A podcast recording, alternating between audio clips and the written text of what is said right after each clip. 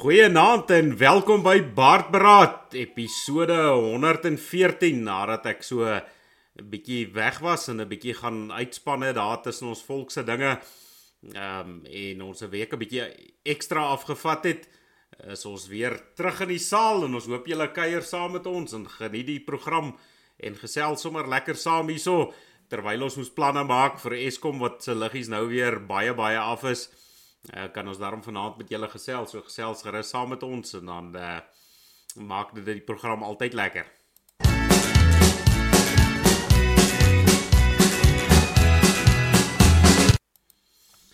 Goeienaand Johan, dis lekker om weer vir jou te sien. Ehm um, ek het so ek kan nou nie sê ek het daar naby jou verbygery nie, maar jy weet enigiets uit Transvaal uit, maar ek het dan nou die Vrystaat misgery. Ek was hier in die in die Wes-Transvaal en die Noord-Kaap ingewees en uh ja, daarom lekker uitgerus. Dankie Alwyn, altyd lekker om saam met jou te kuier. Ehm um, ja, ek eh, ek weet nie hulle Aspris nie deur die Vrystaat gekom met die met die rebellie nie. Ehm um, en of uh, dit net makliker was daar in die noorde verby nie. Maar uh, ja, bly om terug te wees. Ja, ek moet hom sê Johan, um, met die rebellie het daar baie goed gebeur in die Vrystaat. Ehm um, hierdie Vrystaaters het gewoel onder ehm um, uh jy weet generaal De Wet was nou natuurlik een van die voorvatters en dan weet ons ehm um, generaal Beyers was ook daar in die Vrystaat doenig en en die Vrystaat was die ouens redelik aan die gang. Ons het maar basies gefokus op die gedeelte van die rebellie uh waar die manne nou die uh daar's 'n daar's 'n baie goeie boek wat praat van generaal Kemp se epiese woestyntog, jy weet, en ons nou meer daai gedeelte daar in die droë warm wêreld gevolg. Ehm um, so jy weet ja, dit is moeilik om by al die plekke uit te kom as ou so geskiedenisspoor volg. Jy weet ou ou volg maar 'n gedeelte van die spoor. Maar as ek nou reg verstaan het jy daarom iets nuuts geleer oor skorpioene. Ehm um, ja Johan, ek het geleer ons Transvaalers moet nie met ons plakkies rondloop in die nag in die duine nie.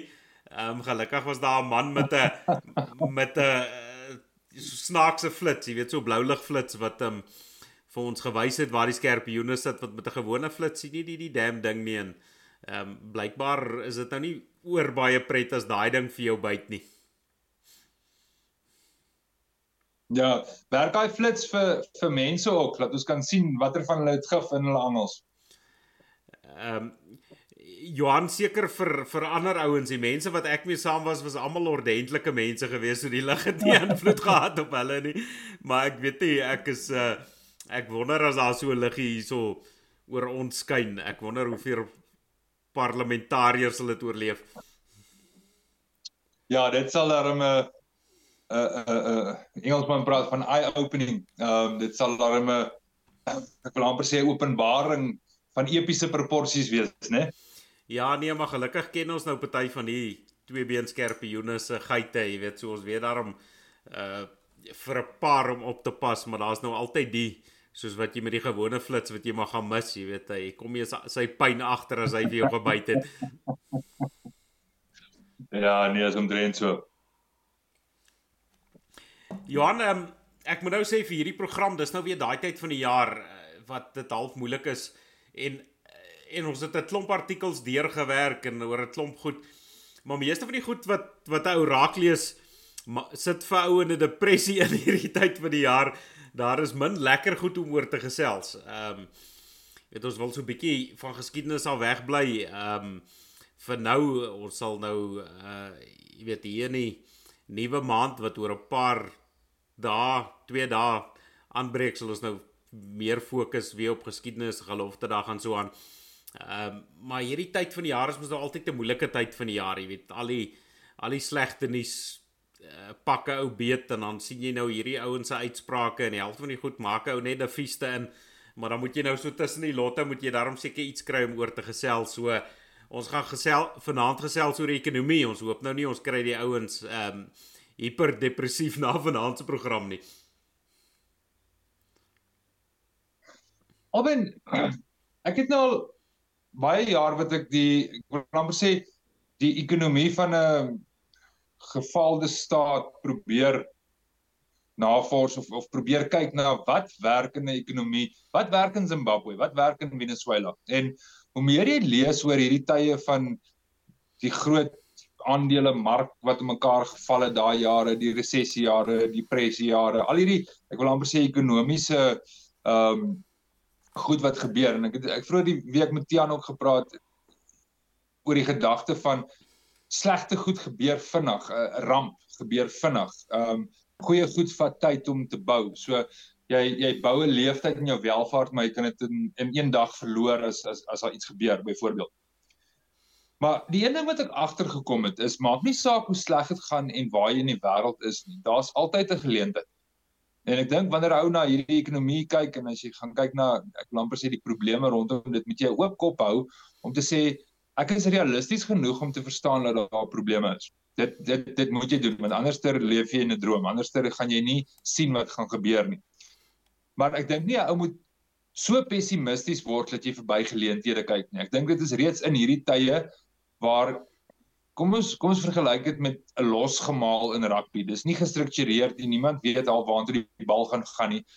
Maar in dit skep dit hierdie gapingkies wat jy kan vat en en geleenthede. En ek dink dis vir my die belangrike deel van van enige gesprek rondom die ekonomie. Daar's altyd ouens wat geld maak. Ehm um, hulle is nie altyd eerlik nie, maar daar's altyd iemand wat geld maak. En ek dink 'n ou moet daarna kyk om te sê maar jy weet hoe, hoe posisioneer ons osself uh, jy as individu maar ook ons as 'n as 'n groep as 'n volk hoe posisioneer ons osself in hierdie gemors om eerstens te oorleef en om jy weet aan die ander kant uit te kom en van daar af te floreer sodat almal versorg is en en en almal deurkom en ons kan vorentoe gaan. Ehm um, so ek ek wil nie hê die mense moet hierdie idee kry van ons sit hierso in in in kerm en klaar oor dit nie. Ehm uh, maar jy moet ook bewus wees van wat om jou aangaan om 'n ingeligte besluit te kan maak. Ja, ja, ek sien Renier, hy ehm um, gesels altyd hier saam met ons. En net nadat hy gegroei het, toe sê hy ekonomie, hy sê dit gaan 'n kort uitsending wees as ons oor ekonomie ja. gesels. ja, die ons ons baardberaad kykers altyd skerp. Maar Johan, iets wat ons nou nie oor gepraat het nie, maar dit jy weet terwyl jy toe nou so praat, toe kom dit nou by my op. Ek dink een van die goed wat nou gebeur het en ek moes gou-gou die ou se naam hierso ehm um, gou-gou Google ehm um, Javier Javier, hoe sê hulle dit? Uh in in uh Argentinië het hulle nou nuwe presidensiële uh, verkiesings gehad en daar het 'n ou gewen, ou Javier Milei of seker Milei, ons noem hom sommer Milei op op Baardbraad. Maar ek sien dis nogal 'n ou wat met met Argentinië het hiperinflasie. Dit gaan baie sleg met hulle ekonomie. Hulle geldeenheid is bykans niks werd nie. En hierdie mieliekerel, hy kom nou met 'n paar wille uh, voorstelle uit en daar's 'n paar manne in die wêreld wat nou nie oorlief vir hom is nie.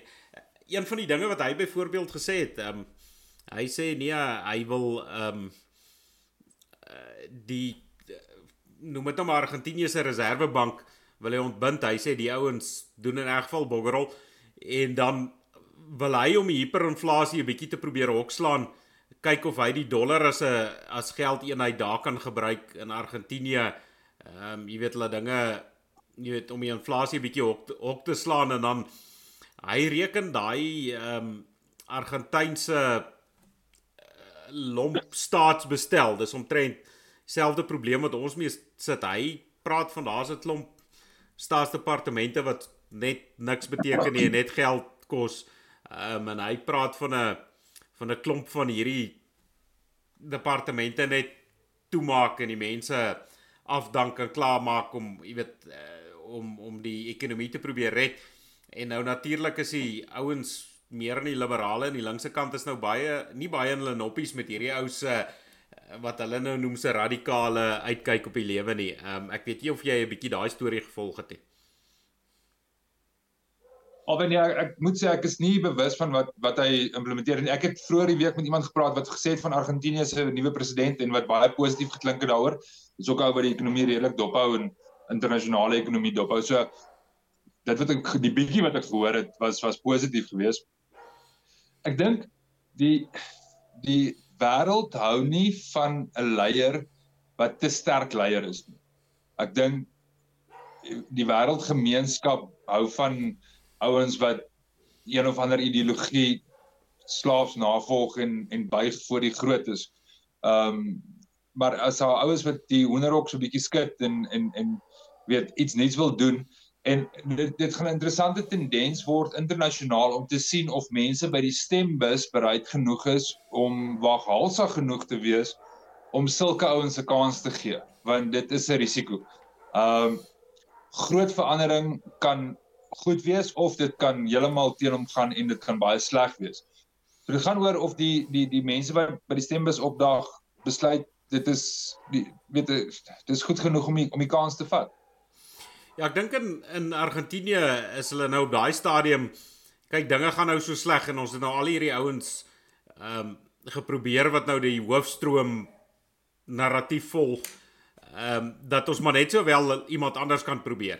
En ek dink dit is dis iets wat dalk in in baie lande gebeur en dan ja, dit is nou van die punt af eintlik nou nie van op vanaand se program wat ons van plan was nie, maar ek en jy is mos maar uh, gewoond om afdraai paadjies te vat, so dit maak nie saak nie.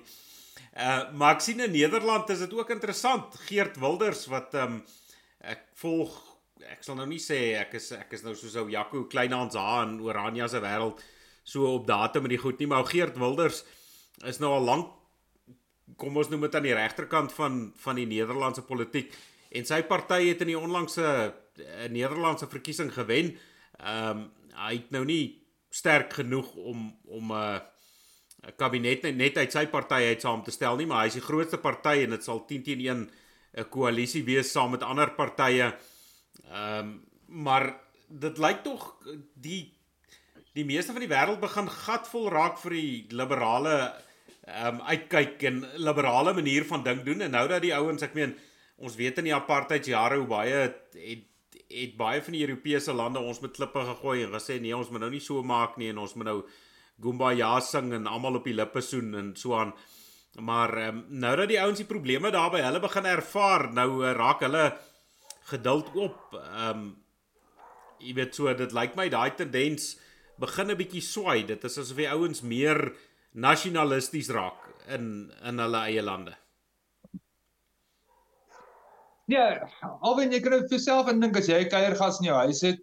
Dis nou weet 'n uh, boere vriendelikheid en jy nooi die persoon in en dan ewe skielik begin hy jou borde breek en weet uh, aanvanklik is dit half vir jou 'n vreemdheid en jy weet nie lekker wat om daaraan te doen nie.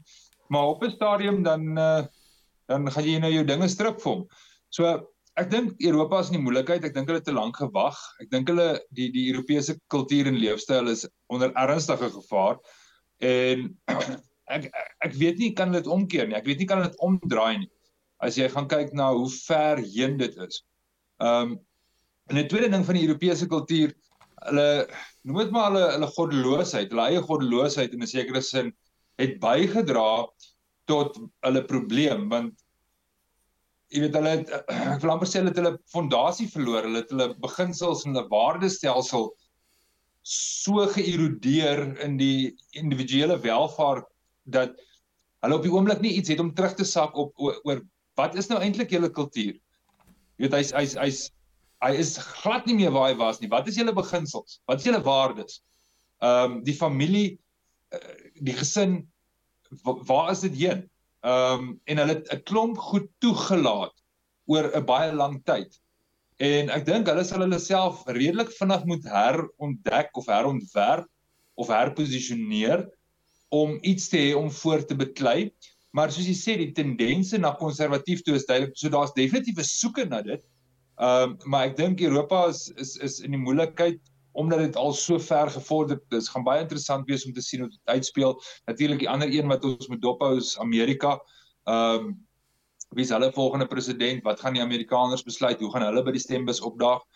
En as Amerika ernstig konservatief is en Europa is besig om konservatief te draai, beteken dit dat die weste, die westerse wêreld, ehm uh, besig is om ek wil amper sê hierdie uh, momentum van liberale denke en van alles by die venster uitgooi dalk bietjie terug te trek en dis goeie nuus vir ons. Ehm um, ons is maar baie belyn met met daai leefstyl en kultuur. Ek moet nou sê as ek is nou nie baie op op ehm um, sosiale media die laaste ruk nie, maar ek het die naweek het ek so bietjie uh dopgehou daar op Twitter, maar dis mos nou nie meer Twitter nie, dis mos nou X of iets. Maar ehm um, hmm. ek sien die die ehm um, die Ire, hulle het hulle ook 'n bietjie redelik gewip daar. Uh, Daar's blykbaar 'n Albanier wat ehm um, uit 'n vrou en ek kan nou nie onthou of die storie 2 of 3 kinders wat hy met 'n mes gesteek het. Ehm um, en toe die Ire redelik hulle pop uit die kot uit gegooi, uh, want in Ierland is daar behuisingskrisis, daar's nie genoeg behuising vir die Ire self nie, maar die Ierse regering huisves hierdie klomp immigrante en onwettige immigrante in ehm um, hotelle en dan kla die goede nog dat hierdie hotelle nou nie vir hulle te jy weet te grand genoeg is nie. En ehm um, hierdie ure het baie van daai goed gaan aan aan die brand steek en uh, die die regering, die Ierse regering het dadelik die die ure wat nou die feeste in was vir die Albanier ehm um, het hulle hulle veroordeel maar nie die daad wat die hele storie laat ontvlam het nie en ou kry die die indruk dat hierdie ure hulle redelik wip vir hulle regering ehm um, ek sien een van die ouens ek hou nou van hierdie ouens wat so beklei en skop en hulle mag net nie byt nie, maar verder mag hulle omtrent enigiets doen. Ou Conor McGregor, ek dink hy's een van die mees ehm um, bekendste ouens in in die sport. Um, en hy was baie uitgesproke en ek hoor nou die Ierse regering ondersoek hom nou vir haatspraak en goed. Jy weet so hierdie regerings dit lyk my dis nie net hier by ons waar die waar hulle heeltemal uitpas het is met die ouens op die grond nie. Um, jy weet die regerings is oral besig om hulle eie mense die feeste in te maak. Albei wat nou natuurlik 'n interessante dinamika rondom dit is, is as as jy nou gaan kyk Ierland is is 'n uh, hoofsaaklike Ierse regering. Ehm um, veral al die mense wat om siener van Rensburg se werk volg, weet dat Ierland voor ons onafhanklikheid kry, so ons hou Ierland dop in daai konteks. Uh maar om om om nou te gesels oor die idee van van Ierland teenoor ons situasie is is is dis nie ons regering. Daar's ek en jy kyk na die ANC en daar's daar's niks wat die ANC doen of is wat ek kan sê dis ons regering nie. Terwyl by die Ure is dit hulle eie mense wat kan ek sê dis familie. Dit is Ure wat dis een kultuurgroep, dis een volk.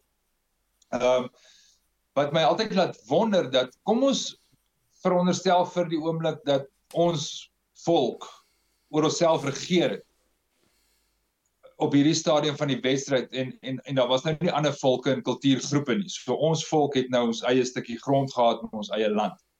Hoe sou ons regering op hierdie stadium gelyk het? Sou die die die leiers ook 'n tipe van 'n liberale korps gewees het en sou hulle ook hierdie tipe van ehm um, mentaliteit gehad het, sou ons ook gesukkel het, sou ek en jy weer eens aan die konservatiewe kant gesit en vanaand gesê het, maar ons regering uh kyk hier na ons boere. Dis vir my altyd 'n interessante gedagteoefening want net soveel soos wat daai leierskorps in Ierland uit die ure uitkom, is daar sulke mense uit ons uit wat op die oomblik besigheidsleiers is wat in organisasies is wat uh, uh, jy weet en kom ons sê dalk nou nie op regeringsvlak ons verteenwoordig nie, maar in poste en in ja, noem dit net maar leierskapsposisies. Ehm um, maar, maar by ons kan jy dit nie so duidelik sien nie. So dis nogal 'n interessante oefening om te doen om te dink as ons nou 'n leierskorps gehad het, hoe sou hulle waar sou hulle geposisioneer wees? Ja, nee, ja, dis nou interessant. Ons het soos ek sê, ons het nou 'n hele paar afdraai paadjies gevat. Ek sien nou ehm um, ja, die Ire sê toe ook nou want gewoonlik sê die ehm um, klompie onwettige immigrante sodra hy nou iets aan hulle doen dan praat hulle mos nou van die kolonialiste en die Ire sê man vliege julle duiwel in sê ons land was gekolonialiseer jy weet ons um, mense was as slawe weggevoer voetsek julle ons het niks vir julle te sê nie. Julle kan ons nie met daai kwas verf nie.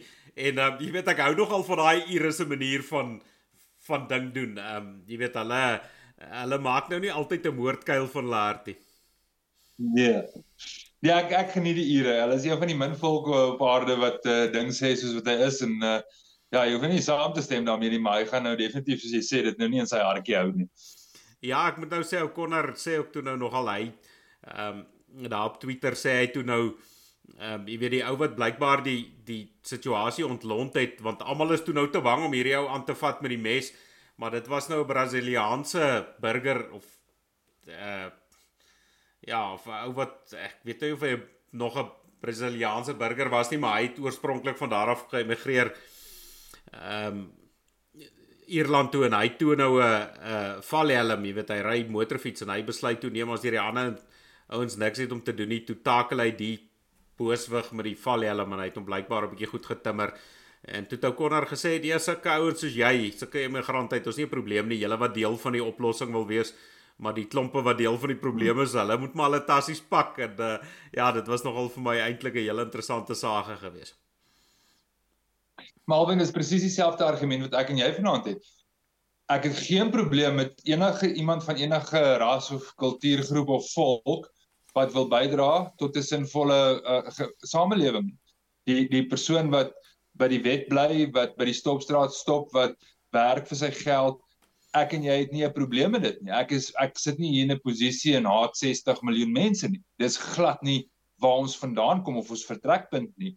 Ek gun elke persoon die reg om in die oggend op te staan in 'n veilige omgewing om 'n werk en sy geld te gaan verdien in die sweet van sy aangesig om vir sy gesin die beste te gee wat hy vir hulle wil gee. Die probleem wat ons het is 'n probleem waar mense nie binne in daardie ek wil amper sê verwagting wat ons het uh ingaan nie waar hy nie stop by die stopstraat nie waar hy hom nie self onderhou aan die wetgewing van die land nie waar hy dit vir my onveilig maak waar hy my te nakom. Um dis die probleem. Dit is waar die konflik gebeur en en en dis presies wat daar gebeur is is maar wat hier gebeur. So jy kry hierdie situasie um van 'n plaaswerker wat die die boer gaan waarsku as daar gevaar is. Daai dit dit is presies dieselfde. Dankie vir daai persoon wat daai goeie daad gedoen het. Um dis nie 'n kwessie van hy moet ook iewers heen gaan nie. Jy jy kan nie so redeneer nie. Maar ek kan ook nie stil bly wanneer jy doen wat jy wil en dit is ten koste van iemand anders. Ehm um, en as Suid-Afrika dit net wil besef, dan sal hulle ophou hopelik dink aan net die idee van apartheid, maar wanneer dit kom by regverdigheid, daar lê die antwoord. Ja Johan, as ons nou oor oor ekonomie praat wat ons nou eintlik ons is nou al so 20 minute in en nou nou sal ons begin ons praat oor dit waar waar waar is eintlik oor Ja, ja, dis so. Ehm um, Renier, ons ons hou die laaste punt. Ons hou die ekonomie maar kort. Ehm um, ons sal dalk weer aan 'n afdraai paadjie vat, maar soos jy sê, jy weet ehm um, in ons by ons is die is die tendens dat dit nie noodwendig jy weet partykeer is die Suid-Afrikaanse burger wat die sleg blikskorrel is.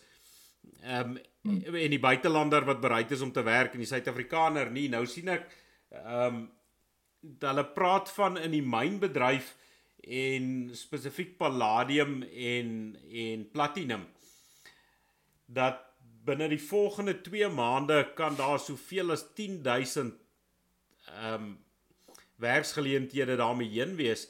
En nou sien ek een van die groot maatskappye wat nou 'n klomp uh mense moontlik gaan afdank. Hulle het so snaakse naam Sizwe of Isizwe uh myn maar die die plek behoort 45% aan die aan die geelgriep outjies, jy weet aan aan die Chinese.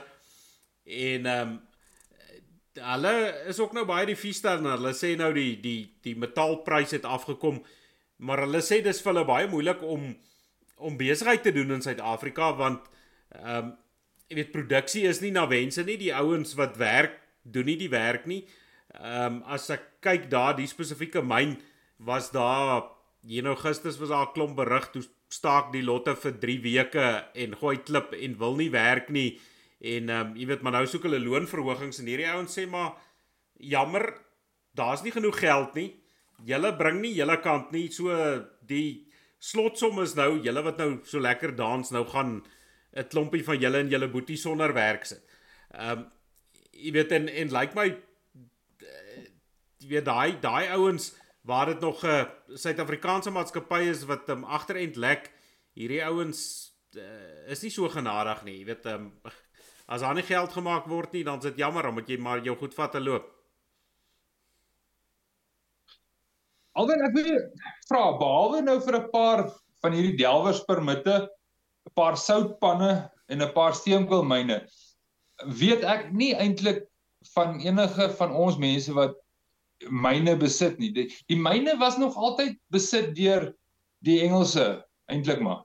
En en dan nou die BE vennootskap en nou is dit begin die Chinese word. Um en en dit is nog altyd iets wat my gepla het, hierdie ongelooflike rykdom wat uit ons land uit weggevat word deur ander mense. Maar om terug te kom, ja, die Chinese, jy nou moet jy onthou waar die Chinese vandaan kom. Ehm um, en hulle werksetiek in China en en hulle omstandighede daar wat hulle gewoond is aan. Hulle is hulle is hulle is harde werkers, hulle sit lang ure in vir vir min geld. Ehm um, hulle hulle hulle weet hulle is baie meer gedissiplineerd. Ehm um, die staat het baie meer beheer bestuur daaroor. So ek dink vir hulle is dit 'n ongelooflike aanpassing om hier aan te kom en en almal maak net soort van wat hulle wil. Ek dink die Chinese trek hulle hare uit hulle kop uit as hulle op baie myne kom en die werk word nie gedoen soos wat hulle gewoond is daaraan nie. Ehm um, maar maar die die die punt wat jy maak oor en, en ek dink jy gaan seker nou volgende na die artikel van Volkswagen verwys. Ehm um, waar Volkswagen dieselfde gesê. Ons is hier om besigheid te doen. Ons is nie hierso om vir liefdadigheid of vir welsyn nie. En dit is die houding van al die internasionale maatskappye. En as die internasionale maatskappye en besighede nie gaan geld maak nie, gaan hulle onttrek hulle is nie hierso om vir ons uh weet dit vir ons makliker te maak ten koste van hulle uh aandeelhouers nie. Hulle is hier om uit te brei en om wins te maak. So ek vermoed ehm um, internasionale besighede in die volgende tyd gaan al meer geleide maak en hulle is verskriklik bekommerd oor goed soos die infrastruktuur, goed soos ehm um, krag, so, uh, die die arbeidsprobleem en dan die grootte op die oomblik is die hawens. Ehm um, Transnet. As hierdie goed nie werk nie, as as as jou koste van besigheid doen te hoog raak, dan maak dit nie sin om hierso besigheid te doen nie. En dit gaan net nog meer werk. Jy kan nou vir jouself dink, kom ons sê 10000 word afgedank. Daai 10000 mense sorg vir ten minste 40000 direk vir gesinne, families ensovoorts. Ons praat nie van die impak van daai gemeenskappe waarin hulle bly die die winkeltjie daarso en die een wat ehm um, ietsie verkoop of wat karre was of wat ook al op daai nie. So dit dit is nie 'n baal effek. So daar's 10000 minder salarisse, 40000 minder mense, maar daai gemeenskappe nog minder. So nou op die ouene van die dag, kom ons sê is die impak 100000 mense wat skielik minder inkomste het. Wie gaan dit optel? Waar gaan daai tekort vandaan kom? Wie gaan dit finansier? Want op 'n stadium gaan daai ou homself dalk oor geen misdaad en hy gaan nou maar steel want hy het nie inkomste nie hoe gaan hy maak? Ehm um, so ons is ons is in 'n baie slegte siklus met dit. Ja ek wou nou ek sal nou nou so by die misdaad uitkom wat dan nou uitvloeisel is hier op maar ehm um, ja jy het nou reg verwys na Volkswagen. Ehm um, jy weet as ek nou so direk vertaal het het die ou gesê ons is nie 'n liefdadigheidsorganisasie nie. Uh, jy weet en en wat hulle gesê toe hulle oorspronklik in Suid-Afrika kom ehm um, hulle fabriek boue en hulle fabriek is nou daar in PE se wêreld wat nou een of ander naam het wat gaan ordentlike mense kan uitspreekie. Ehm um, maar hulle gee vir 3.500 mense in daardie streek werk. Hulle is die grootste enkele werkverskaffer in daai area. En die ou sê in die begin was arbeid goedkoop geweest in Suid-Afrika en dit het dit aanloklik gemaak. Ehm um, maar nou sien ek die ouens, jy weet hulle deel nou 'n paar klappe uit. Natuurlik was stakings ook maar by hulle 'n probleem. Hulle sê arbeid het nie raak te duur by ons in vergelyking met met die res van die wêreld. Ehm um, jy weet dan het jy nog arbeidsprobleme waar jy produksie verloor.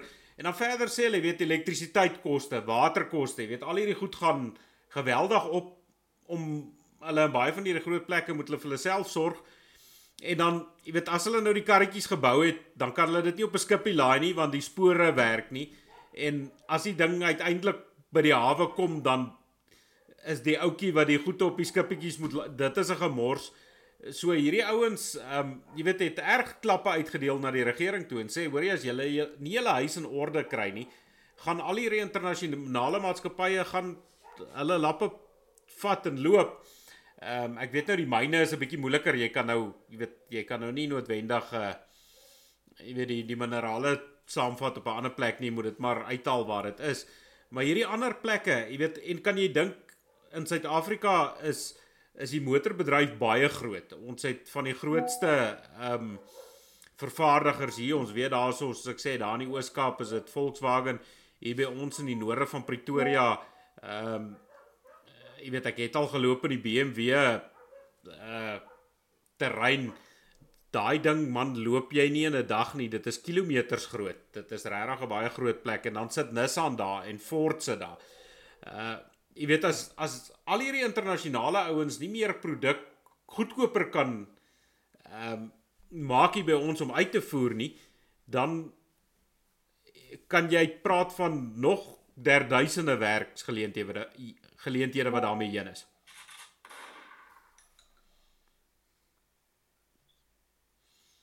Wat is die Afrikaanse woord vir novelty? Die novelty van iets. Die ja, snaaksigheid. Ja, die snaak, die nuwigheid, snaaksigheid, ja.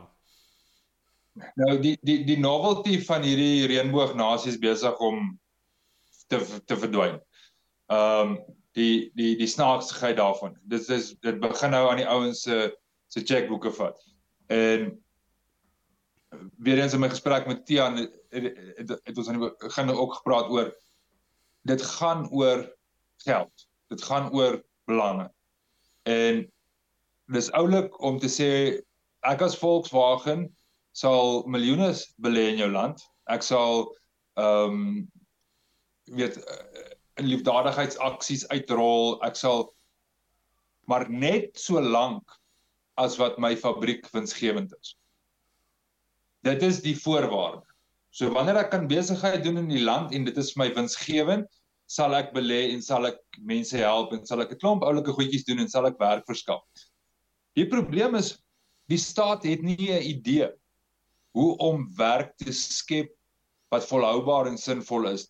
Hulle sit net nog mense op hulle op hulle salaris strokies. So dis hoekom die staat so lomp en oor groot is en dis hoekom ouens soos daai Milie van Argentinië sê maar kom ons sny. Kom ons maak die staat 'n klein dingetjie wat nie duur is nie want nou het ons belastinggeld om infrastruktuur te bou en as jy infrastruktuur het, as jy krag het, jy het paaie en jy het spoorweë en jy het hawens wat werk, dan is dit goed vir besigheid. Ek kyk vandag 'n onderhoud gaan oor hierdie ehm um, Emirate, ehm um, wat is dit Dubai, daai daai wêreld. Daar's niks. Daar was daar was 'n paar jaar terug eintlik maar net woestyn min. En hulle gaan sit en gesê maar hulle wil besigheid doen. En daai ou daar in daai video gesê hoeveel internasionale maatskappye se hoofkantore skuif soontoe, hoeveel hoeveel transaksies wat in die res van die wêreld uitspeel, maar die transaksie gaan deur hulle. Ehm um, dis dis ongelooflik wat hulle daar reg gekry het maar hulle is oop vir besigheid. Hulle Okay, ons is nou nie moslems nie, maar hulle het 'n hulle hulle 'n waarde stel wat hulle in plek gehad het en jy weet presies hoe werk dit. Um en en en dis hoekom hulle gedissiplineer is binne in daai daai waarde stel. Nou nie noodwendig hulle 'n moslem stelsel wees, maar ons het niks nie. Ons het nie beginsels nie. Ons het nie waardes nie, ons het nie 'n visie nie, ons het nie 'n plan nie. Ons het baggerrol in Suid-Afrika en die oomblik as die ouens gaan begin geld verloor, gaan die novelty nie genoeg wees om hulle hier te hou. Ja Johan, ek sien die die ehm um, Volkswagen hoof deel ook verdere klappe na die regering uit. Hy sê die wetgewing ehm um, hou nie tred daarby nie. Die meeste of baie Europese lande praat van 2030 wat ehm um, omtrent oormôre is en 2035, jy weet, is daar teikens vir baie van die Europese lande wat hulle nie meer binnebrand engines motors gaan invoer nie. Ehm um, dis die geleide wat hulle maak, maar hulle sê die Suid-Afrikaanse regering het geen insentiewe om elektriese voertuie by ons, ek weet nog in 'n geval nie hoe die goed te gaan werk hier by ons nie. Ehm um, maar om die goed goedkoper te maak of om ehm um, dit die moeite werd te maak om die goed hier te bou nie.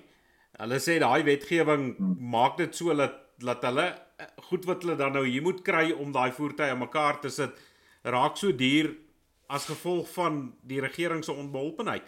En ehm um, jy weet dit was hmm. dis eintlik vir my snaaks. Ek meen hierdie ouens uh, jy het, jy het vir baie jare het, het hierdie ouens in hulle stilte gestik. Jy weet hulle het gegumba ja gesing en hulle het glad nie kritiek gelewer nie en skielik het jy 'n klomp van hierdie groot maatskappye wat erg krities staan oor die regering.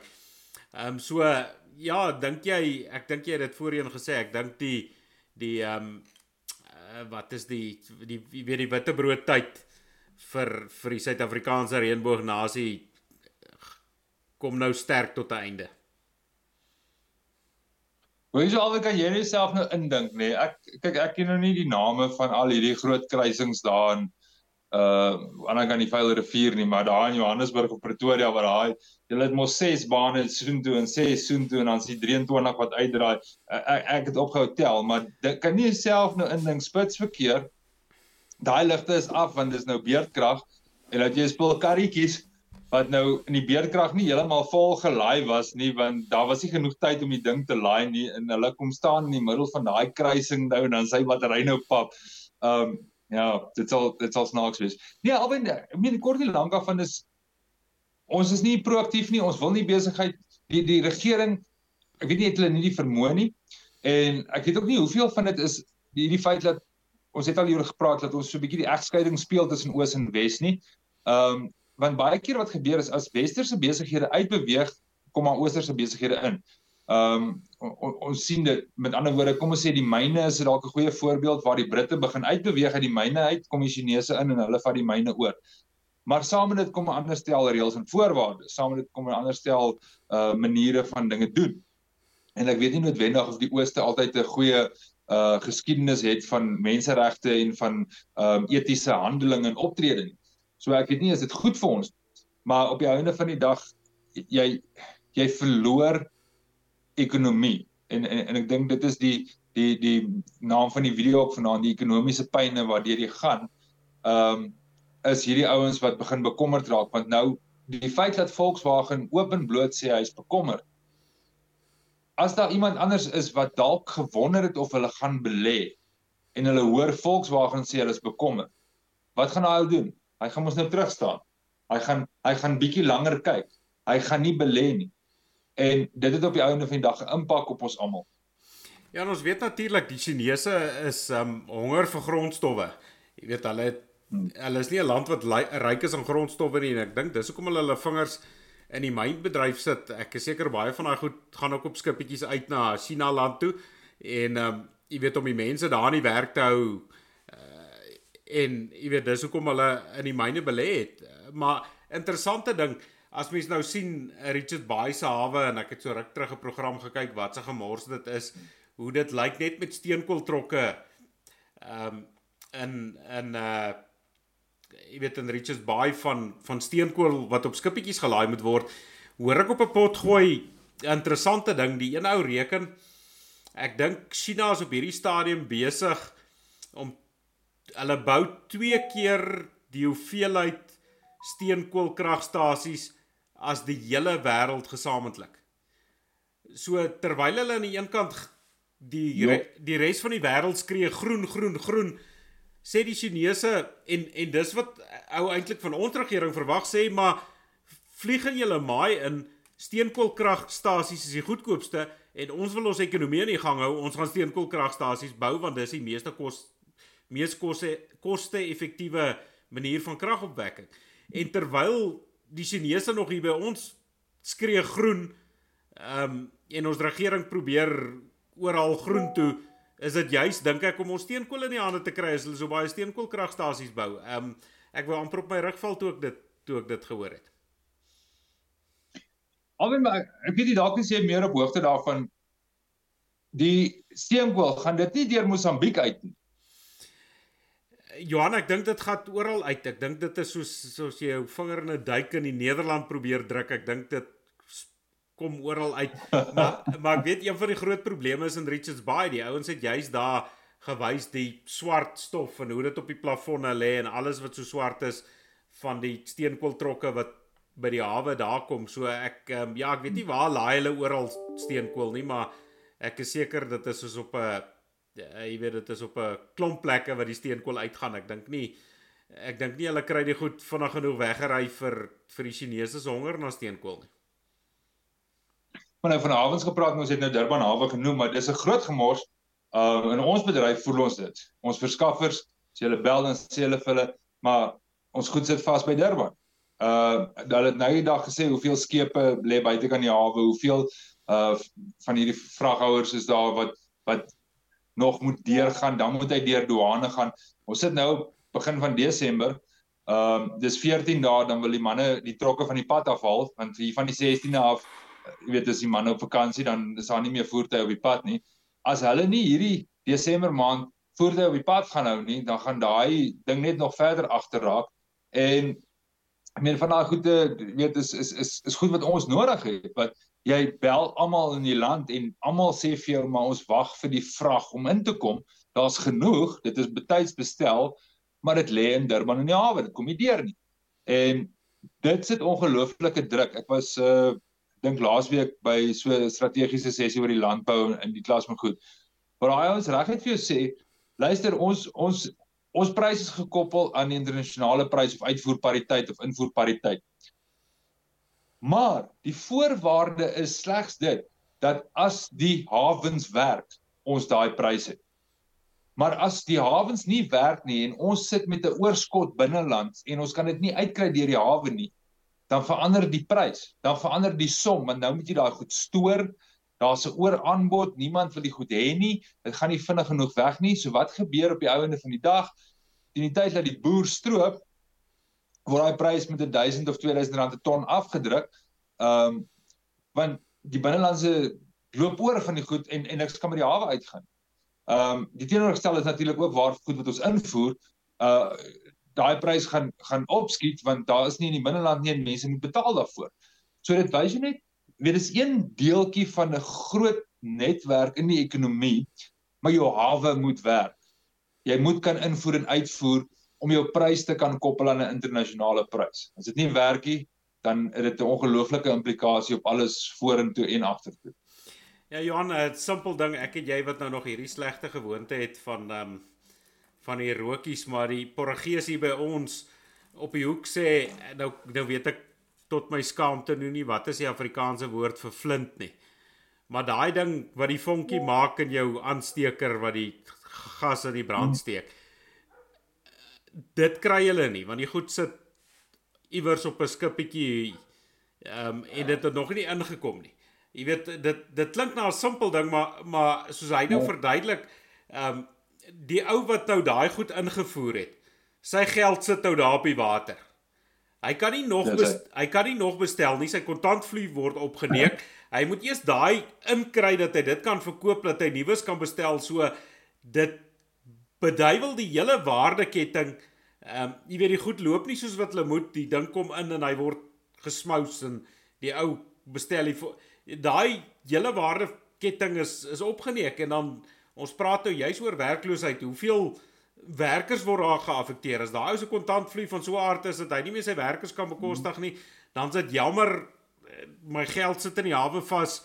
Ehm um, ek sal kyk of ek dalk in die nuwe jaar weer vir jou werk het, maar hierdie Kersfees moet jy maar gaan krieke vang of muise vreet of iets. Ehm um, jy weet 'n uh, ou spot nou daaroor, maar dis die realiteit wat ons mee sit. Ja, maar dink net maar daaroor. Ek is nie seker ehm um, hoe werk die kostes op die skepe nie. Ek vermoed jy kan seker twee verskillende opsies kry. Maar ek ek, ek is oortuig daarvan dat van daai skepe 'n koste het vir elke dag wat hulle ook jou vrag moet moet dra wat hulle nie kan aangaan nie. Ehm um, nou sit jy met ouens hier agter. Produk word skaars en duurder want ons sit in die situasie waar as jy 'n sekere produk moet hê, moet jy hom hê. So nou koop jy dit uit by 'n ander ou, so jy betaal duurder vir daai produk want joune kon nie goedkoop inkom nie. Presies wat jy gesê het, daai ouens se kapitaal sit vas in die vraghouers want dit is uit begroot vir 6 weke op die water en nou is dit 8 weke of 10 weke. Nou is 4 weke ekstra wat hy rente verloor op daai geld wat dit uit sy lyn uit is. Ehm um, die tyd dat hy inkom is jy so ver agter, nou moet ons oortyd werk om in te haal. Nou daai oortyd is tyd en 'n half se prys, so jy verloor op jou produksiekant ehm um, die ouens voor begin die risiko vat want hulle kry nie al hulle materiale vir hulle kant nie. Ehm um, jy weet so jy moet dalk iets uitsny of dalk 'n verandering of 'n aanpassing maak. Alles het kostes en alles administrasie en dit alles omdat die hawe nie werk nie. Ehm um, en, en dan kom jy agter hoe, hoe hoe groot risiko so iets het vir die ekonomie van die land. Ja, Johan, en elke dag wat die skippietjie in die hawe sit, kos dit om kostes vir die hawe. Ehm um, en soos jy sê, as hy ook nie ry nie, hy kon nou al weer 'n ander vrag halfpad op pad ja. gewees het na 'n ander vrag toe en terwyl hy daar vas sit met 'n ander skippietjie wag vir hom, jy weet dit het die ding het 'n sneeubal effek. Ehm um, jy weet wat die hele ekonomie opneek en dan ehm um, kom ons president dan sy seker ek weet nie hy hy blykbaar daar gaan gaan draai. Ek het ook nie gelees wat hy gesê het nie. Hy het seker gesê I'm shocked. Ehm uh, want dit is mos maar gewoonlik sy blerry uitlating maar ehm um, jy weet hy's hy's altyd verwonderd oor hoe hulle alles opdonder maar hy nooit oplossings vir sy probleme nie. Ja, nee, ek weet nie. Ehm um, ek ek ek weet nie hoe moet dit wees om in sy posisie te wees nie want hy hy het geen wil om dit op te los nie. Uh weet ons kyk na 'n probleem en jy het onmiddellik hierdie motivering om iets te wil doen nou of 'n bietjie raad te gee of ten minste of advies of weet as ons so maak as ons hierdie kan doen hierdie kan ons hierdie is ehm um, weet iets wat klein en maklik is maar hierdie ons kan hierdie stroom laat loop of wat ook al die geval is maar ek wonder hoe moet dit voel om na 'n land se ekonomie te kyk en jy weet eintlik uh jou dollars is in die rusbank en en jy voel eintlik niks vir die mense of vir die ekonomie nie. Jy moet nou maar net voorgee dat jy doen. Want want dit is die realiteit en hoe vinniger mense dit kan klein kry is die ANC regering voel niks vir jou nie voel niks vir jou besigheid nie. Een van die artikels wat uh, wat wat jy ook gelees het vandag 1700 besighede toe vir die jaar wat ehm um, deure gesluit het ek weet nie hoeveel hoeveel mense gee daai 1700 ehm um, het hulle werk gegee nie maar is toe dis 1700 besighede wat en en dit is die besighede op die boeke dit beteken nie ehm um, jy weet al die klein besigheidjies en goed wat nie eers op die boeke was nie. Dis dis dis moeilik daar buite. En jy kom agter aan aan mense se spandering, jy kom agter aan mense se uh manier van dinge doen. Uh daar's baie ouens wat ernstig onder druk is. Die middelklas is onder mal ekonomiese druk. Hulle nou die dag gesom gemaak man, ek dink as jy 'n uh, huispaaiement het wat jy tussen 1.2 en 1.5 miljoen rand se huis, betaal jy nou R5000 'n maand meer op jou huispaaiement. R5000. R5000 kan jy klomp kruideniersware mee gekoop het. Waar kom daai R5000 vandaan? Jy kry niks meer waarde vir dit nie. Dieselfde huis wat jy gekoop het, maar jy betaal nou R5000 'n maand meer. Um en ek dink die middelklas is vir my nog steeds op die einde van die dag die groep wat die hardste gaan gaan pak kry. Jou ryk ou is ryk genoeg om 'n klomp van hierdie goed te absorbeer. Jou arm ou hy is lankal nie meer deel van die ekonomie nie. Hy betaal nie belasting nie. Hy hy hy dra nie by nie. Dis hierdie middelklas, die salarisstrekkers, die die ouens in die middel wat die ekonomie dryf en dit is hulle wat die hardste geslaan word deur belastings, deur prysstygings, inflasie, besighede wat toemaak, beerdkrag. Dis hulle wat die houe vat.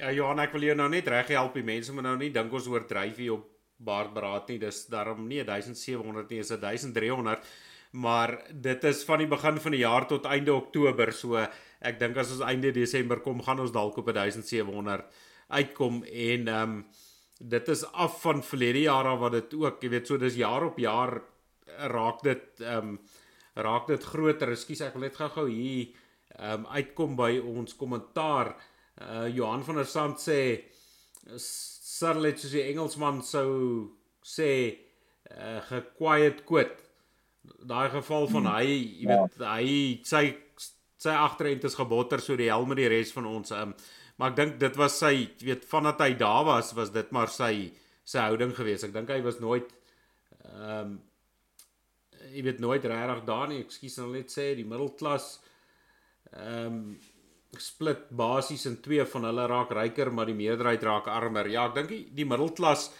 voel dit regtig ehm um, een van my kliënte, ek gaan nou nie die name noem van die ouens nie, maar dis ouens wat redelik groot bou, jy weet die ouens bou redelike hoë digtheid behuising en van hulle projekte het nou gestop. Ehm um, want die mark is nie daar vir die huise nie. Jy weet of hulle bou woonstelle, jy weet maar hulle bou groot woonstelle, jy weet baie woonstelle.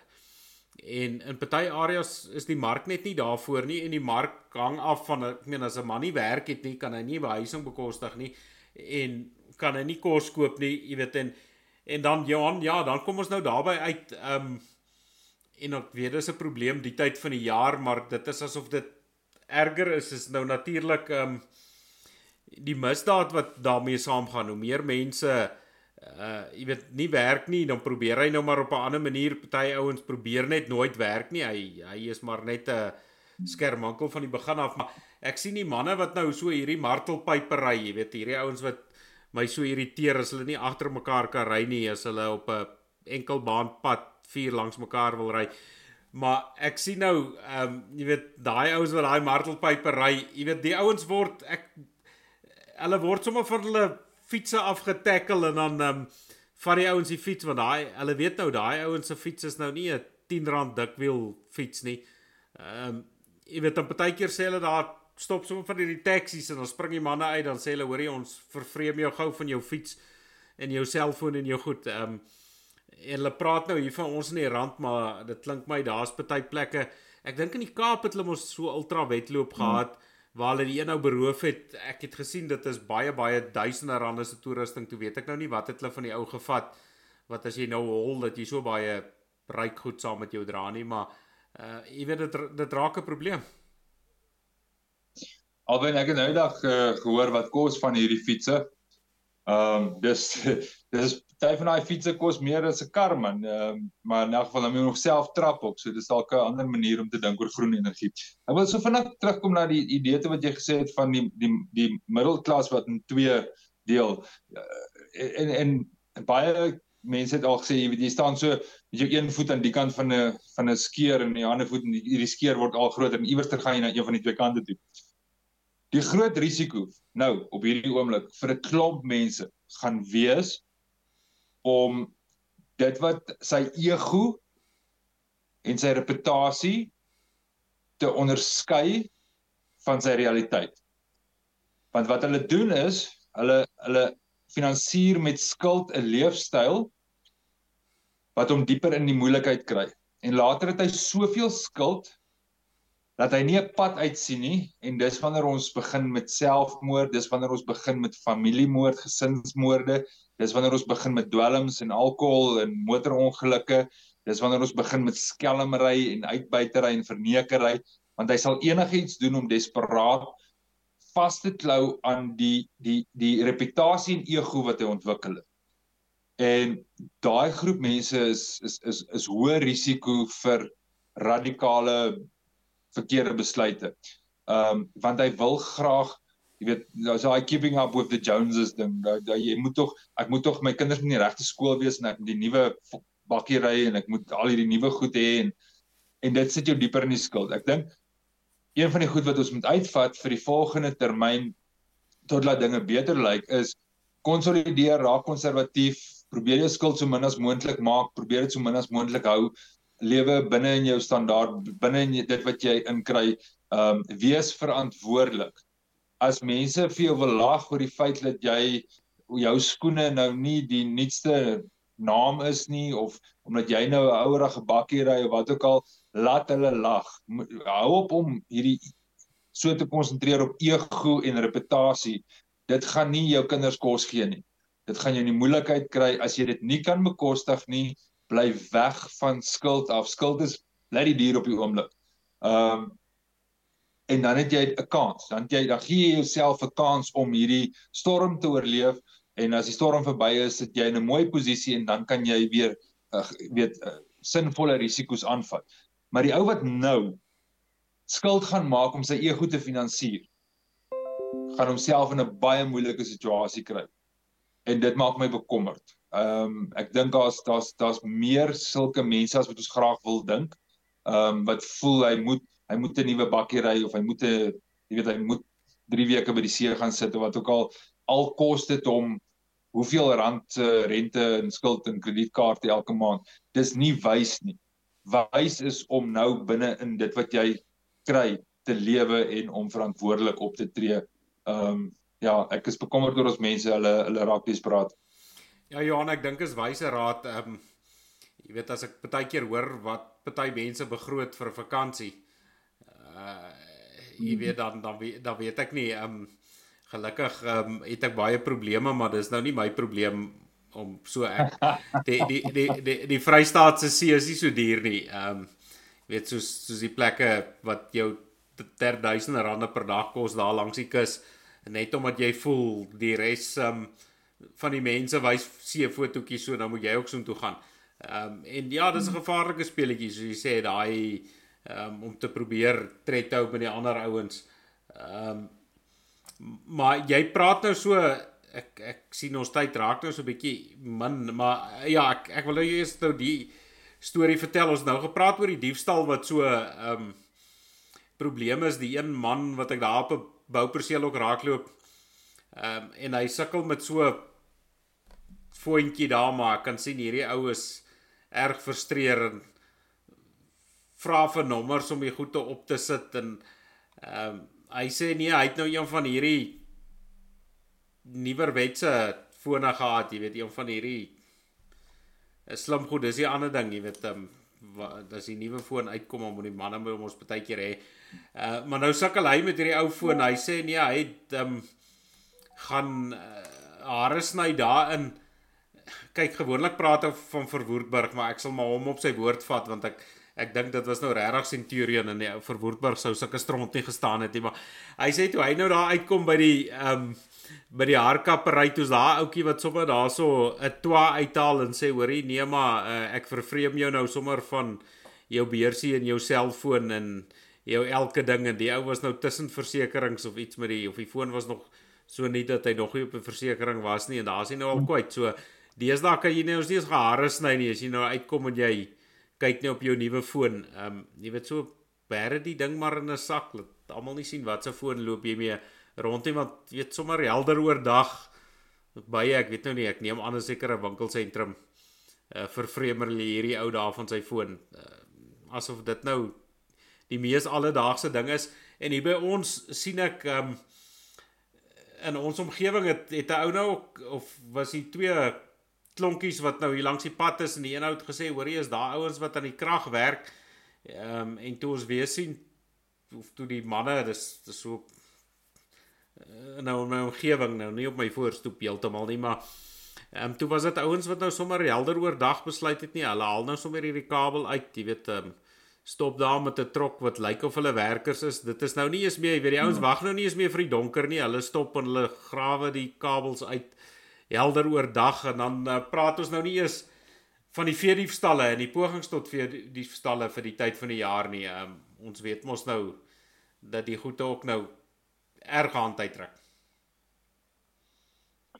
Oh ja, daai ou met die foon, hy hy die hoe lank besien mense moet altyd kyk na die positiewe kant. Hy gelukkig daar nie met die fiets so toe gery nie. Ehm um, Maar ja, nee, absoluut. Ek ek ek dink is een van die groot goed om hierdie tyd bietjie wakker te wees. Ehm um, veral mense wat gaan inkopies doen in hierdie tyd van die jaar. Jy uh jy gaan dalk met minder uit uit die uit die inkopiesentrum kom as wat jy mee ingegaan het. En uh die ander ding wat ek dink op die oomblik baie die rondte doen is is hierdie slenter. Wat is 'n scam? Slenter stryk. Wat wat sal ons ehm um, Ja, is net 'n slenter. Is net 'n slenter. 'n Slenter. Ja. Hmm.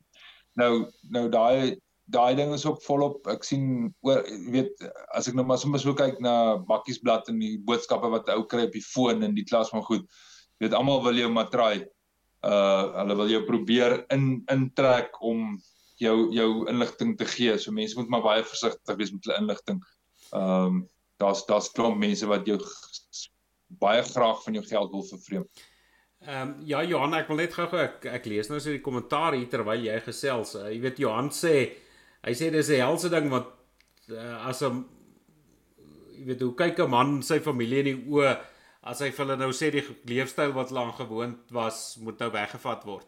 Maar ehm um, jy weet uh, ja Johan dit is nie lekker nie, maar partykeer hoe sê die Engelsman sometimes you have to be cruel to be kind. Jy weet ehm um, jy jy gaan miskien jy weet hulle te nakom op die ek of ek nee, te nakom is 'n verkeerde woord, maar hulle gaan dalk te kort skiet op die kort termyn, maar oor die lang termyn gaan hulle die vrugte daarvan pluk.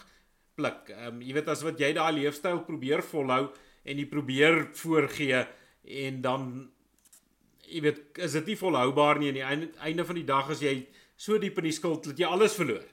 Weet ek dink dis erger dat jy alles verloor en dan gaan jy met niks daar uit nie as weet jy sê hoorie kerels ons moet nou 'n bietjie briek aan draai ons kan nou nie meer elke aand braai nie ons um, moet so nou en dan nou vis ook eet uh, of uh, blikke te vir Johan ek ja ek ek begin ek ek ek toe ek dit sê toe kom ek agter hier het ek nou iets verkeerd. uh die eksport eksport nou sommer maar jy weet um, dat 'n ou jy weet jy kan nou nie elke aand steak braai nie. Jy weet gaan koop maar die seegraad se tenderry steak. Um jy weet dit is eintlik dis eintlik 'n winskoop want jy kou 3 keer so lank aan die ding. Um jy weet hy hou soveel langer. Jy weet maar daar's maniere wat 'n ou kan doen om jou leefstyl 'n bietjie aan te pas en jy weet ek soos ek sê ek dink is goeie raad om om nou maar net te sê hoorie kom ons kom ons trek nie die brieke bietjie op tot 'n ou later in 'n situasie sit wat ehm um, jy nou vir hulle alles wou gee en dan later kan jy hulle niks meer gee nie. Ehm um, jy weet dit is dis nou maar my ehm um, my mening. Ehm um, Johan, nou moet jy iets sê want ek sien nou dat jy aan die einde van die program raak nê. Nee, nou is hierdie kommentaare besig. Ek moet 'n bietjie opvang hierso. Nee, ek is ek is bang jy jag my weg op die volgende program omdat ek elke keer praat oor ou Jordan Peterson se goeie, maar goed. Ehm um, laat dit so wees.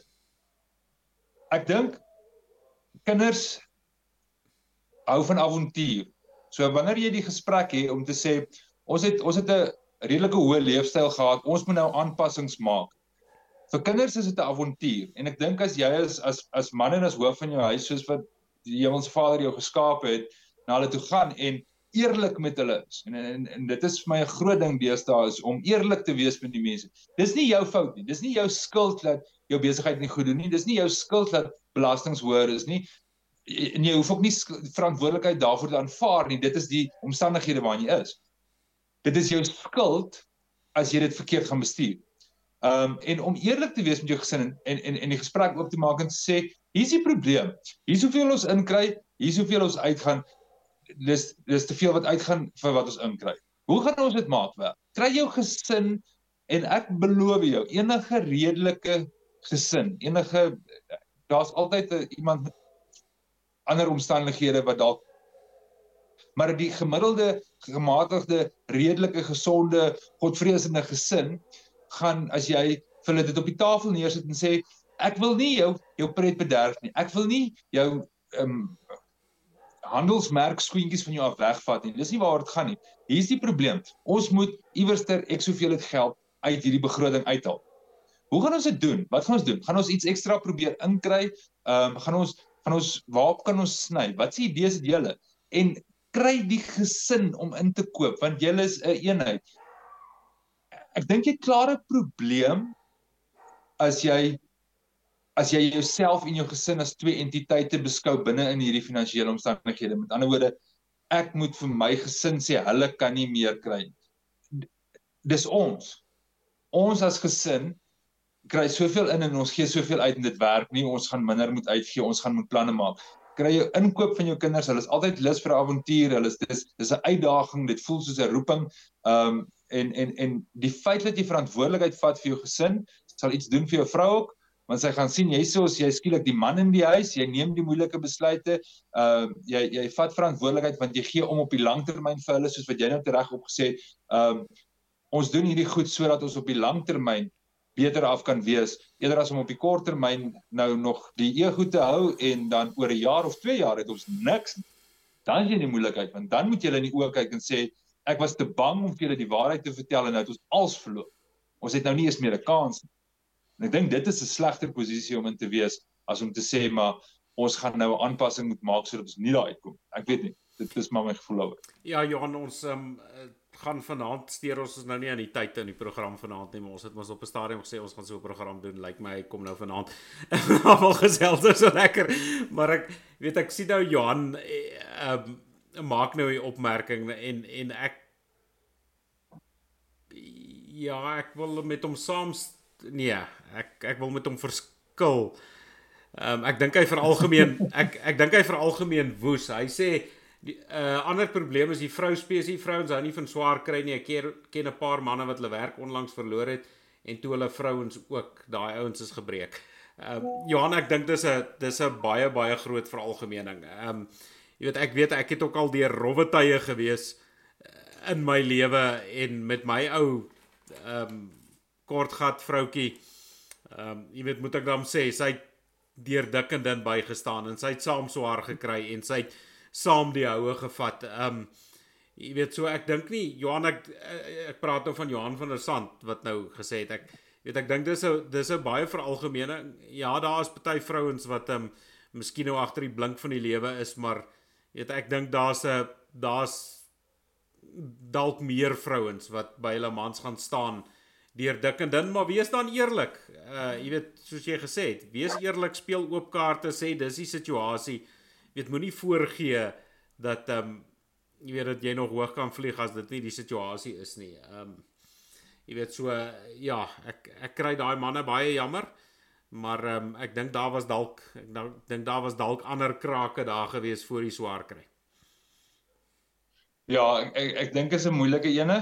Ehm um, met ekonomiese druk, finansiële druk, uh is daar druk op die huisgesin en wat baie keer gebeur is byvoorbeeld die man werk later, werk langer, probeer meer goed doen, vat dalk meer risiko's ensovoorts en en dit sit druk op die verhouding en die verhouding kraak dan dalk selfs voordat die die uitslag op die finansiële kant daar is. Ehm um, 'n ander opsie is as die verhouding van die begin af van so aard was dat dit dalk gegaan het rondom die geld en dat kon ek sê die die man sy sy geld as sy pouvere gehad het. Met ander woorde, hy het uit daar gelok met die geld en nou dat hy nie geld het nie is daar niks waar maar met lok en dit is ook uh, ehm uh, um, so ek dink as daar's daar's daar's 'n klomp redes dat so iets gebeur. Absoluut dit dit gebeur. Die oomblik as 'n uh, ehm um, jy sien dit baie keer maar jy sien ook die teenoorgestelde. Ek ek ek weet van baie vrouens wat ingespring het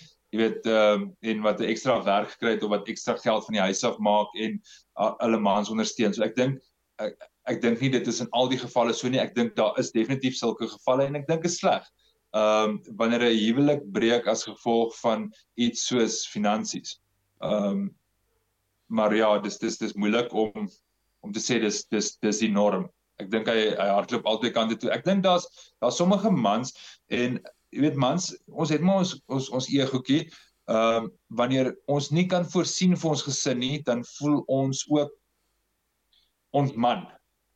Ehm um, want dit is tog jou groot roeping in hierdie lewe is primêr om jou gesin te versorg sodat jou nageslag kan aangaan. Dit is 'n ek wil amper sê 'n biologiese voorwaarde. Ons wil ons nageslag sien voortplant en aangaan ons ons genetika en in in oor erflikheid en al daai goed. En as jy as man nie daai omstandighede kan gee vir jou gesin nie. Ehm um, dan vat dit baie keer ook aan 'n man se se manier van dinge doen. Ek weet hulle destyds was dit mos nou 'n groot storie dat die mans by die huis gebly het en die vrouens gaan werk en dan word jy nou 'n wat wat daar so 'n naam vir dit gewees. Ehm um, maar die man word dan die tuisversorger of so iets. En ek het nog nooit regtig gehoor dat dit regtig werk nie. Ehm um, vir tye dalk en in nood dalk, maar as as jou as jou vrou die broodwinner is, en jy moet die besluite neem oor die finansies, dit is broeigrond vir vir konflik. Ehm um, so ek dink daar's daar's 'n hele paar goed wat inwerk, maar die punt wat Johan maak is dat al hierdie goed het 'n impak op verhoudings. En as dit nie reg bestuur word nie, dan eindig dit op in 'n tragedie. Of daai tragedie nou is 'n egskeiding of is is dat mense van kamer tafel en bed geskei word en of dit nou is dat 'n gesinsmoord gepleeg word of wat ook al die die die aard van die tragedie is op die einde van die dag nie ehm um, noodwendig maar dat daar 'n tragedie plaasvind wanneer wanneer finansies verhoudings bestuur. Ehm um, en en finansies kom onder druk. Dit is dit is 'n gegeewe feit. Ja Jan, jy ons raak nou hopeloos te diep vanaand. Uh, maar ek kan daarom nou nie ek gaan nou nie net sommer afsluit met die program nie. Jy kom nou immers daar uit die Vrystaat uit. Wat dink jy van die nuwe Vrystaatse bakkie? Ehm um, ag nee Vrystaatse bakkie nie. Ek bedoel nou die die Vrystaat. Wel dit is omtrent 'n Vrystaater se bakkie want die rugby span daarso uh, word mos geborg ja. deur die ouens. Maar ons het nou juis gepraat oor geld spaar. Dink jy ehm um, van daai boere daar hele geweste gaan gaan sy Hilux inruil op 'n meer bekostigbare Toyota bakkie. Alwen Dis al wat ek kan bekostig. So ek het nou al gekyk na die pryse. Maar nou nou weet ek nie. Ehm um, daai daai hy's hy's goedkoper as party van die fietses wat hulle steel. En ek weet nie of hulle hom gaan wil So so ek begin dink as ou die ding het kan jy hom oop los daar waar jy hom geparkeer het. Ja Johan ek ek wys nou so 'n paar hulle hulle hy's nou nog nie by ons beskikbaar nie maar die ouens het gesê hulle praat blykbaar vir een of ander aankondiging wat Toyota gaan doen. Ehm um, en ek dink jy by ons is die mark ons ons boere is mos maar, maar lief vir 'n bakkie. Uh, maar ek dink hier's 'n mark vir 'n meer bekostigbare bakkie want as jy nou kyk na bakkiepryse is hy goed so blerry duur gaan ou kan 'n bakkie bekostig nie. Ehm um, en ek sien hulle noem die dinge Champ. Ek weet nie of hy met dieselfde naam hier by ons gaan uitkom nie want uh, jy weet ek daai Nissan 1400s sy Lexer model was mos hmm. destyds die Champ geweest. So ek weet nie of hulle die ding se naam gaan verander nie, maar jy weet dit is hoe hierdie bakkie lyk. Like, as ek nou so kyk, dan lyk dit 'n bietjie na 'n meer ek sien nie baie ouens vergelyk dit met die Tolla bakkie, jy weet daai um Stallion. Maar hmm as ek nou so kyk ek onthou my oupa het so blou Toyota Stout gehad wat ook die die goedkoper o oh, gats daar's ek ekskuus druk ek die verkeerde knoppie wat wat amper dieselfde vorm gehad het as die ding. Jy weet die ouer Stout wat ook maar jy weet dan is dit nou 'n bakkie. Dis nou regtig 'n werksbakkie. Hy het nou nie filtrasies en klink my te veel elektronika en strooi in nie. Jy weet um, ek sien hulle praat van uh ek kan nou nie onthou ek dink is dit 2 liter petrol, 'n 2.7 liter petrol. Ek weet in die verlede was daai 2.7 Toyota's dan dis dis nou nie iets wat jy by 'n Suid-Afrikaanse petrolpomp mee stop nie, maar daar's blykbaar 'n 2.4 liter diesel ook um, op hierdie bakkie. Uh en dit lyk vir my nogal na 'n heel oulike gedoente. Alweer Daai is so 'n bietjie 'n boereplan, hoor. Jy het 'n 2.4 diesel Toyota engine in jy het 'n ding wat nie baie tierlantuintjies gaan hê nie. So dis minder rekenaars en goedertjies en dingetjies wat kan breek. Hy hy lyk redelik eenvoudig en wel hulle praat van ek weet die 250 na 300 000 rand te bakkie uh nuut. Ehm um, ek kan sien dat boere die ding gaan koop. Ehm um, Toyota is geneig om om om 'n redelike goeie handelsmerk te wees. Hy hou sy waarde, hy hy's 'n harde werker en en, en ek kan sien dat 'n boer inkom en sê maar weet plaasbakkies in plaas daarvan om 'n half miljoen rand se bakkie te te te koop vir beeste gaan water gee of wat ook al hierdie is 'n nuwe bakkie koop hom koop twee vir die prys van een ehm um, ek kan sien dat konstruksiewerkers hierdie uh, ouens wat die plaveisels doen die tuin ek ek kan sien dat hierdie bakkie gaan goed doen as hy reg geprys is want dis al wat die ouens gaan bekostig. Ek meen op 'n bakkie van 250 300 000 rand gaan jou paaiement haalbaar wees. En as jy as jy 'n bakkie het, het jy 'n besigheid. Dit was nog altyd jy kan jy kan 'n inkomstetjie genereer met hom.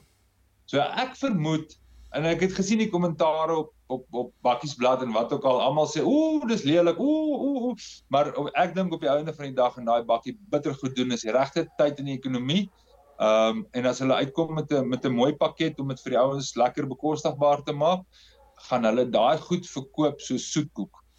Ja, ek dink jy's ehm um, die feit van die saak dat ek hoor Nissan gaan nou ophou om daai NP 200 ook te maak, so daar is nie meer 'n halftonner wat nou die bekostiger of be, meer bekostigbaarder bakkie was nie.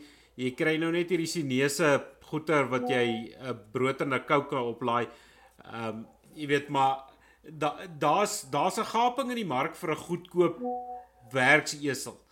En ek dink hmm. hierdie ding kan daai gaping vat. Ek dink ek dink soos jy sê, ek dink hy kan 'n groot merk maak vir alles hy gaan bekostigbaar wees. Ehm um, jy weet dan as ou dan nou nog 'n 'n ton bakkie kry in plaas van 'n half tonner eh, wat jy meer Absoluut. kan werk wat jy nie bang is om 'n om 'n vragsand op te laai nie. Jy weet, uh, hierdie nuwe bakkies is deesdae so vol filtrasies en goede. Jy's te bang om om enigiets agter op die klap te te laai want uh, jy's bang die ding kry 'n krappie want die ding was so blerry duur. So ek ja nee, ek stem nogal saam met jou. Ek dink dit gaan 'n groot hap in die mark maak.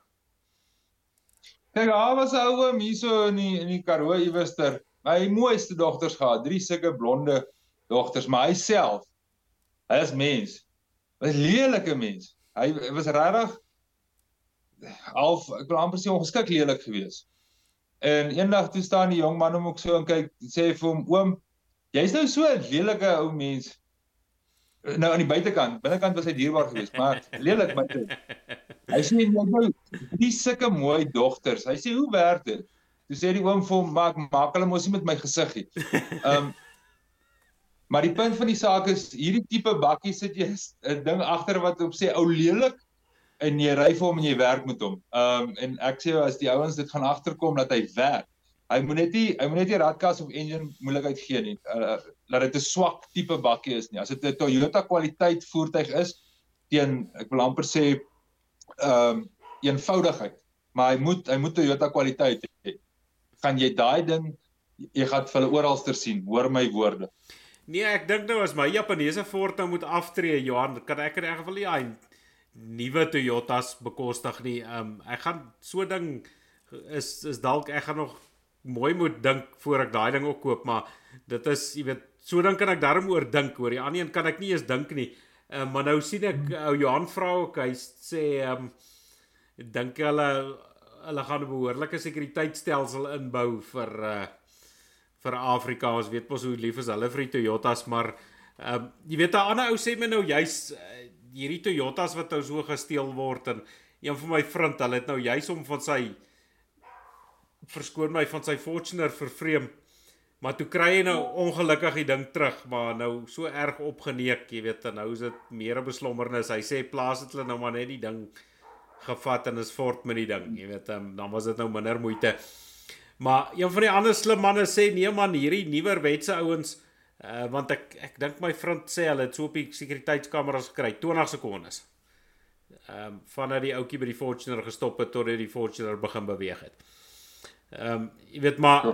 een van my ander vriende sê toe hy sê man hierdie nuwer wetse skelms hulle loop nie meer rond met ou tydse tools nie jy weet hy het nie meer 'n 'n saag en 'n tang en 'n ding jy weet is nou alles hmm. elektronies goed hy sê bestel een van daai ou tydse stuurwiel slotte en sit hier slot oor die pedale en jy weet ek dink ons het so probeer slim raak met al die elektroniese nonsens weet baie keer moet ou daai meganiese goed insit. Jy weet dan dan los hulle die ding. Hy sê maar as jy daai ding op jou stuurwiel sit of jy sit hom hier onder oor jou pedale, hy sê dan moet jy daai ding nou so skel helder lemmetjie groen tipe ding verf. Hy sê as jy ou by die venster inkyk, moet daai kleur hom half verblind dat hy kan sien 'n ding wat hy nie kan steel nie.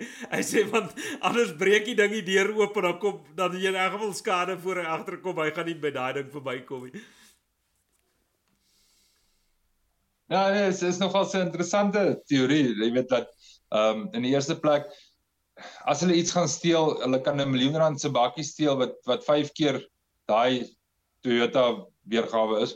Ehm um, so jy weet gaan hulle goedkoop goed steel. Tweede ding is hulle is hulle is al so amper sê tegnologies gevorder dat die ou tegnologie dalk nie vir hulle gaan sin maak nie. Ehm um, so ja, ek ek weet nie. Ek het gehoor van 'n van 'n um, veiligheidsstelsel wat glo fantasties werk. Ehm um, op hierdie stadium van die wedstryd het hulle ek ek, ek dink nie hulle het al enige voertuig verloor nie. Ehm um, die die stelsel of hoe dit werk is. Jy kry 'n straatadres in Urania. Ehm um, klaar blyklik werk dit 100% teen diefstal. Die, die straatadres werk werk nie alleen Johan die voertuig moet ook daar geparkeer word ek dink dit is die Ja ja Ehm Hoorie maar Johan, ons is ons is nou al erg oor tyd voor ek voor jy ook nou gaan ehm um, begin toy toy vir oortyd geld, ehm um, is dit seker tyd om te groet. Baie dankie dat jy nou vanaand so lekker gesels het. Ons het nou gewonder hoe gaan ons oor ekonomie gesels. Ehm um, jy weet 'n 'n uur lank se program en ons is nou sommer al ver oor die tyd. So baie dankie weer vir die lekker gesels. Ja, jy het jou kykers nou vreeslik teleurgestel. Hulle het reggemaak vir 'n kort programmetjie. Alwen was altyd uh, lekker om saam weer te gesels en dankie vir almal wat saam gesels het. Dit is altyd lekker as jy ouens saam gesels en 'n uh, bietjie idees uitruil en toets. Dit uh, dit maak dit vir ons ook meer dinamies en en en ook 'n uh met 'n lekkerder gesprek. So dankie aan almal en uh, ja, lekker aan vir almal.